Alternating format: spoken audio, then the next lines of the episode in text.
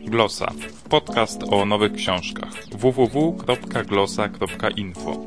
Dzisiaj amerykański czyściec. Zapraszam, Paweł Adam Piotrowicz. Dzień dobry. Dzisiaj zacznę od wyliczenia siedmiu grzechów głównych. Pycha, chciwość, nieczystość, zazdrość, nieumiarkowanie w jedzeniu i piciu, gniew, lenistwo. Wymieniłem te siedem grzechów głównych nie bez y, przyczyny, e, ponieważ y, dzisiaj chcę powiedzieć parę słów o książce Amerykański Czyściec. Książka ukazała się w bardzo obiecującej serii Znak Proza. W tej serii ukazało się już kilka naprawdę niezłych pozycji, m.in. Rajze Fiber e, Mikołaja Łosińskiego.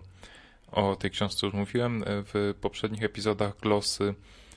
Sam Mikołaj Łoziński przyjeżdża połowie sierpnia do Berlina na stypendium Fundacji Genshagen. Będzie pisał kolejną książkę, także myślę, że coś nowego o nim wkrótce usłyszymy. Natomiast w tej samej serii wydawnictwa Znak z Krakowa ukazał się teraz Amerykański Czyściec. Jest to e, debiut powieściowy pisarza ze Stanów Zjednoczonych Johna Haskella. Jest to książka, która odwołuje się właśnie do siedmiu grzechów głównych. Koncepcja książki jest taka. Mamy e, człowieka przeciętnego Amerykanina, który może nie jest jeszcze na samym szczycie swojej kariery, ale jest jeszcze stosunkowo młody, e, więc ma szansę się dorobić.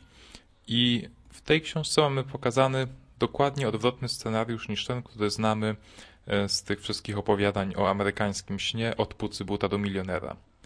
Bo tutaj mamy pokazane, jak człowiek, który coś już osiągnął, a ma szansę osiągnąć jeszcze więcej, schodzi na sam dół bardzo ważne w tej książce jest to, że to schodzenie na sam dół drabiny społecznej wiąże się jednocześnie z niesamowitym rozwojem duchowym i oczyszczeniem tego człowieka.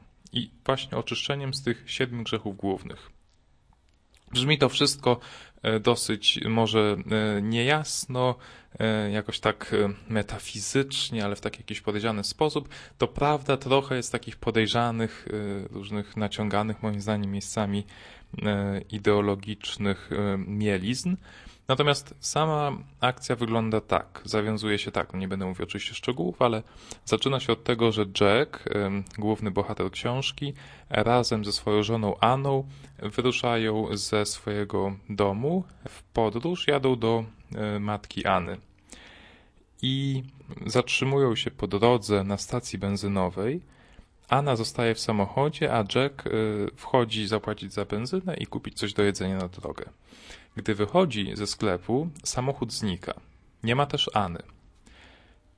Jest dosyć zdziwiony, ale myśli sobie, może podjechała gdzieś indziej, może zatrzymała się po drugiej stronie ulicy, e, może poszła jeszcze do jakiegoś innego sklepu i zaczyna jej szukać. Okazuje się, że jednak nigdzie jej nie ma. Pracownicy stacji coś do niego krzyczą, coś próbują mu wytłumaczyć, ale robią to po hiszpańsku. On nie zna hiszpańskiego, oni nie znają angielskiego i Jack y, ostatecznie wraca do domu i tutaj właśnie zaczyna się cała akcja.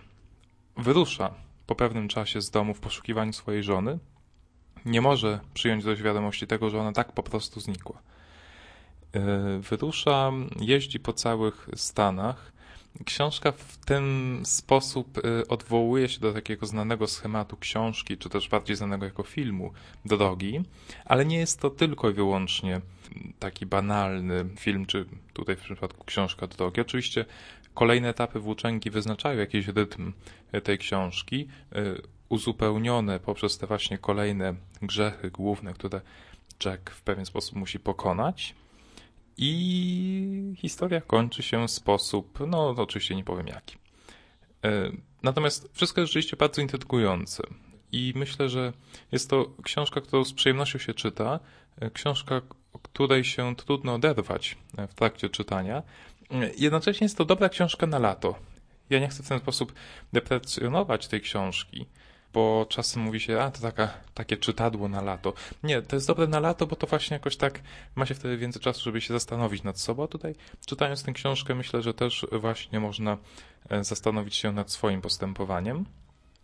I y, książka ta zebrała bardzo dobre recenzje w Stanach Zjednoczonych.